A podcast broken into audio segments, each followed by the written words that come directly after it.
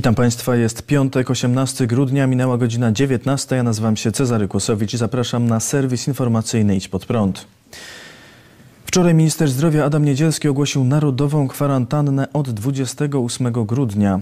Później wicerzecznik PiS Radosław Fogiel stwierdził, że to określenie jest na wyrost.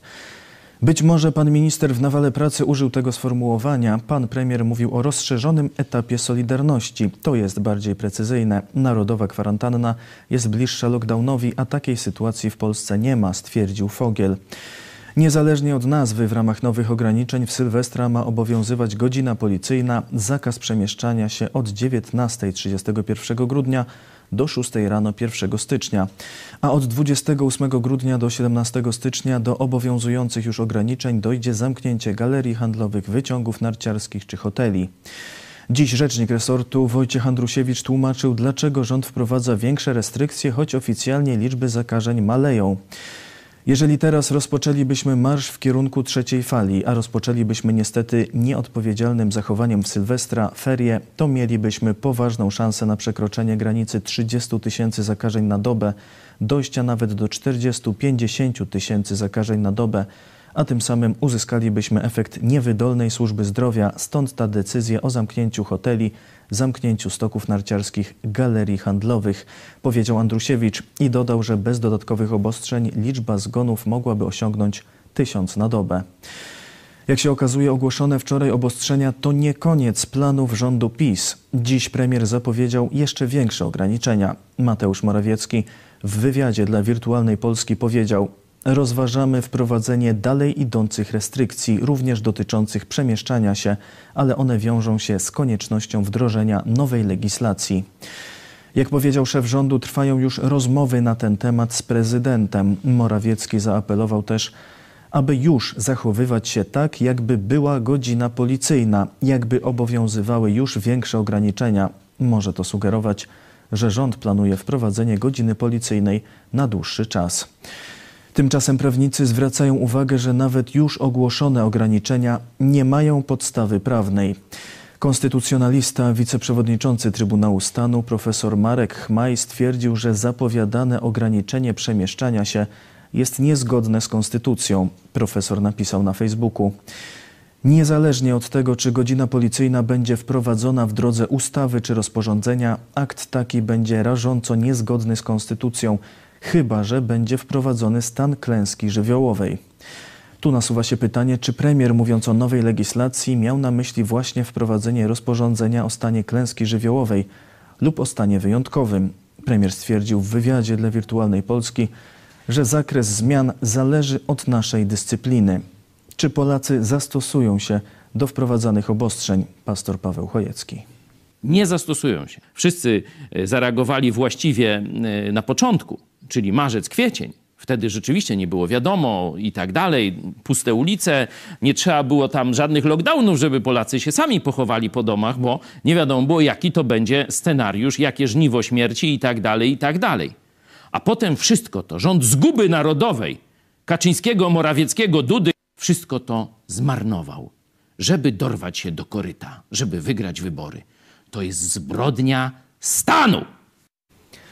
O tym, jak rząd stracił zaufanie społeczne w kwestii pandemii, mówił Fić pod prąd na żywo lekarz Tomasz Karauda ze Szpitala Uniwersyteckiego w Łodzi. To, co udało się na wiosnę, zostało roztrwonione latem, a właściwie jeszcze późną wiosną, wtedy kiedy mm, zaczęto podejmować strategiczne decyzje dotyczące wyborów.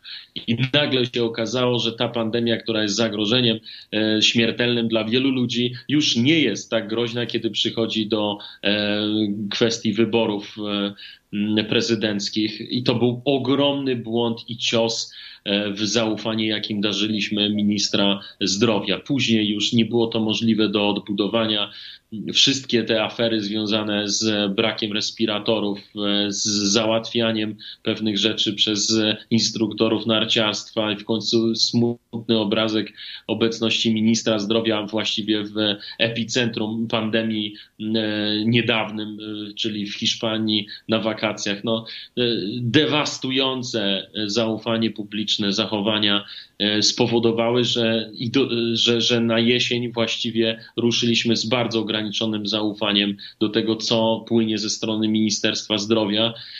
I bagatelizacja zagrożenia drugiej fali pandemii na jesieni Mm, no to jest już apogeum e, związane z brakiem przygotowania i wykorzystania miesięcy letnich, żeby przygotować i e, system ochrony zdrowia, i algorytmy postępowań, i e, również szpitale tymczasowe na przyjęcie tych chorych.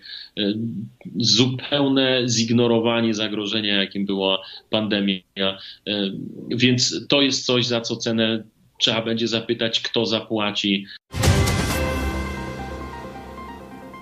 Lekarz z Lublina przeprowadzi badania nad amantadyną. Po kilku miesiącach Ministerstwo Zdrowia zaakceptowało wniosek profesora Konrada Rejdaka o możliwość przeprowadzenia badań nad skutecznością amantadyny w leczeniu COVID-19. Profesor Rejdak mówił o sprawie w Idź pod prąd na żywo. Cieszę się, że rzeczywiście jest postęp w sprawie. Pan minister zdrowia e, ogłosił, że, że ministerstwo zleci wykonanie takich badań e, i rzeczywiście Agencja Badań Medycznych e, ponownie rozpatrzyła ten nasz wniosek, który leżał mm, od kwietnia i czekał na, na po prostu możliwość przeprowadzenia. Oczywiście okoliczności trochę się zmieniły, jeśli chodzi o sytuację pandemiczną, więc Będziemy przygotowywać nową wersję takiego wniosku, protokołu, przede wszystkim badania, no i oczywiście występować z, z tą aplikacją. Mam nadzieję, że tym razem będzie to skuteczne. No i jesteśmy gotowi, aby przeprowadzić badanie, które jest konieczne, aby się dowiedzieć, czy lek działa i w jaki sposób, u jakich pacjentów mógłby być pomocny w terapii E, tej infekcji. Na pewno wyzwaniem jest włączanie kolejnych e, pacjentów do badania, czyli rekrutacja. Jeżeli ona by przebiegała sprawnie, no i byłaby wola pacjentów do uczestniczenia w takim badaniu, to zakładam, że sama faza zaślepiona badania może trwać miesiąc, dwa e, ale pod warunkiem, że ta rekrutacja y, będzie na tyle intensywna. Tu myślimy o około 200 pacjentach. Mamy drugą połowę grudnia. Warto, żeby nasi widzowie uświadomili sobie, ile trwał sabotaż władz państwowych, rządowych, pisowskich, ale nie tylko, bo podejrzewam, że e, te inne rządy też tu nie dużo lepiej by się zachowały ogromny bezwład, czy biurokracji, czy złej woli, czy agentury e, szkodzącej e, Polsce, zobaczcie, e, spowodował, że mogliśmy mieć już wszystkie te procedury, wakacje za sobą.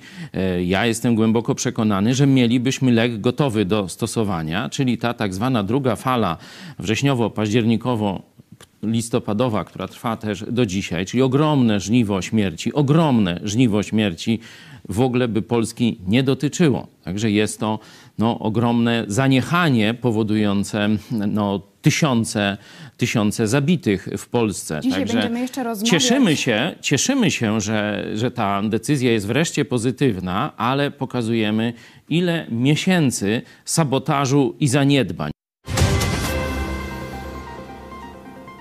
Ciągu ostatniej doby z powodu chińskiego koronawirusa zmarło 426 osób, a łącznie prawie 24 800, podało dziś Ministerstwo Zdrowia. Stwierdzono 11 tysięcy nowych zakażeń. Liczba łóżek szpitalnych zajętych przez osoby chore na COVID-19 spadła do 18,5 tysiąca. Liczba wykorzystywanych respiratorów wzrosła do 1725. W czasie pandemii lekarze spotykają się ze zwiększoną ilością cierpienia i śmierci. Zapytaliśmy lekarza Tomasza Karaudę, skąd czerpie siłę, by radzić sobie z tą sytuacją.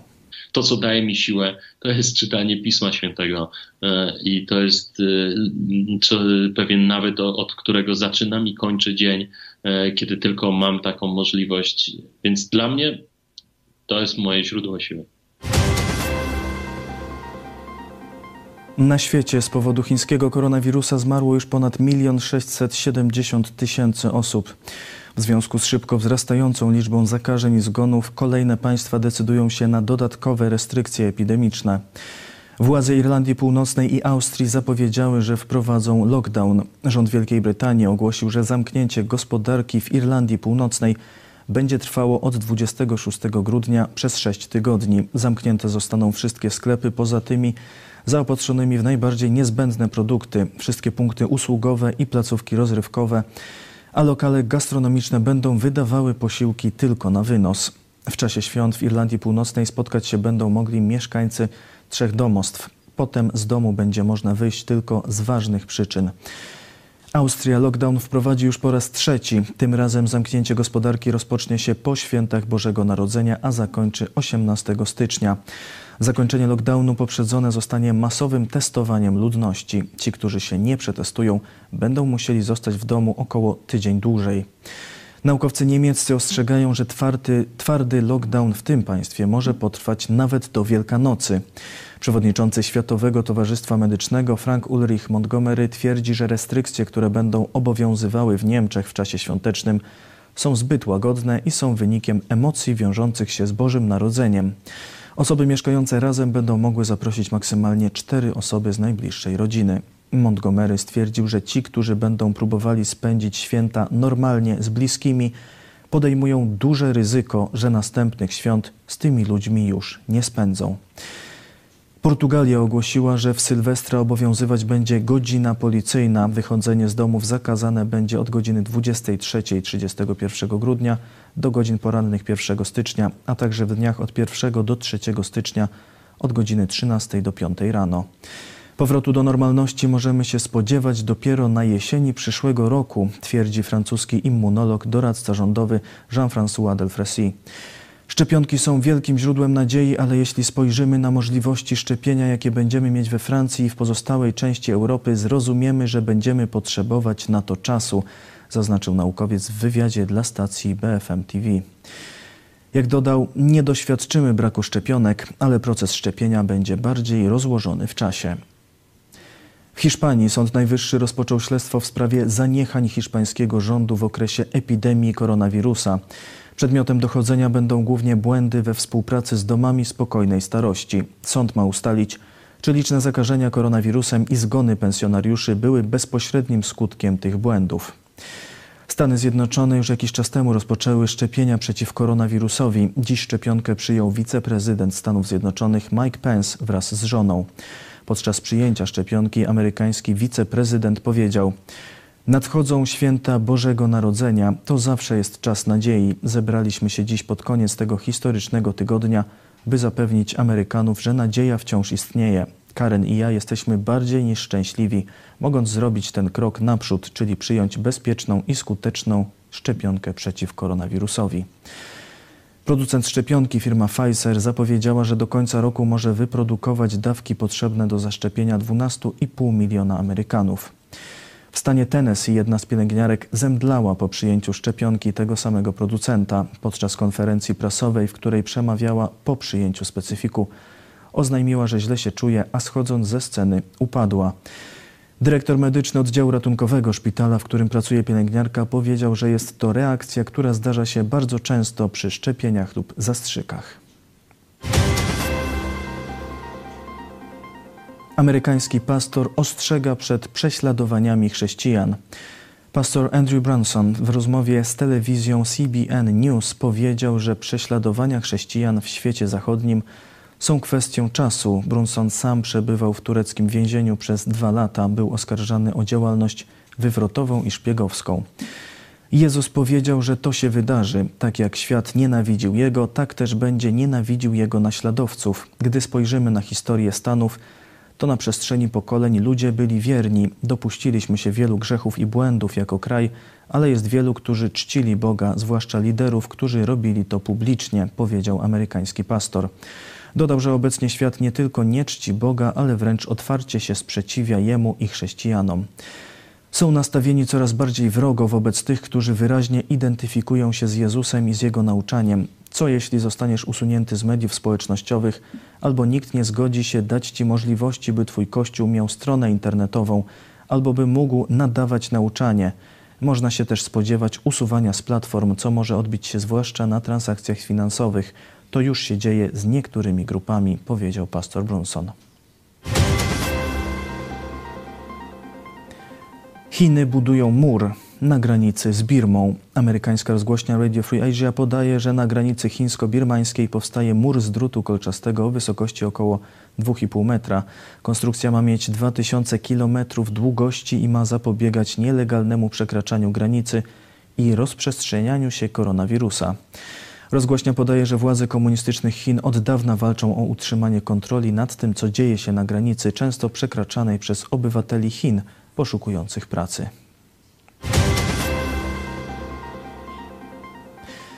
Naukowcy próbowali skopiować receptory czułek ćmy. Nie udało się, więc połączyli ćmę z dronem. Marcin Palimonka. Amerykańska armia wraz z naukowcami z Uniwersytetu Waszyngtońskiego opracowała hybrydę drona i ćmy. Smelikopter, bo tak nazwano urządzenie, służy wykrywaniu zapachów w otoczeniu. Urządzenie jest połączeniem małego drona i żywych czułków ćmy. Naukowcy zdecydowali się na wykorzystanie żywej tkanki ćmy ze względu na fakt, iż elektronicznym czujnikom wykrycie zapachu mogłoby zająć nawet 10 minut. Czułki pobierane są od żywej ćmy i następnie podłączane do układu elektronicznego drona. Zachowują one swoje właściwości przez około 4 godziny. Obecnie urządzenie jest w stanie samodzielnie podążać za zapachami i unikać przeszkód dzięki czujnikom podczerwieni. Dron wykrywa tylko zapachy naturalnie rozpoznawane przez ćmy. Zaprezentowane urządzenie jest prototypem. Prace projektowe wciąż trwają. Smelikopter w przyszłości może być przydatny do wykrywania chemikaliów w powietrzu, wycieków gazów, ładunków wybuchowych oraz lokalizowania ofiar katastrof. Sprawę skomentował pastor Paweł Chojecki, wskazując, że jest to argument za istnieniem Boga Stwórcy, który zaprojektował organizmy żywe. Mamy największe intelekty całego świata. Nie? czyli naukowców i inżynierów amerykańskich. Mamy najlepsze komputery wspomagające pracę inżynierów, najnowsze technologie, największe umysły. I co? Nie potrafili zrobić, mając gotowy projekt, rozumiecie? Nie potrafili skopiować tego, co ma głupia ćma. Skąd ta ćma ma ten doskonały detektor? No i odpowiedź jest jedna sensowna. To ktoś zaprojektował. Ten przykład pokazuje, że jest projektant.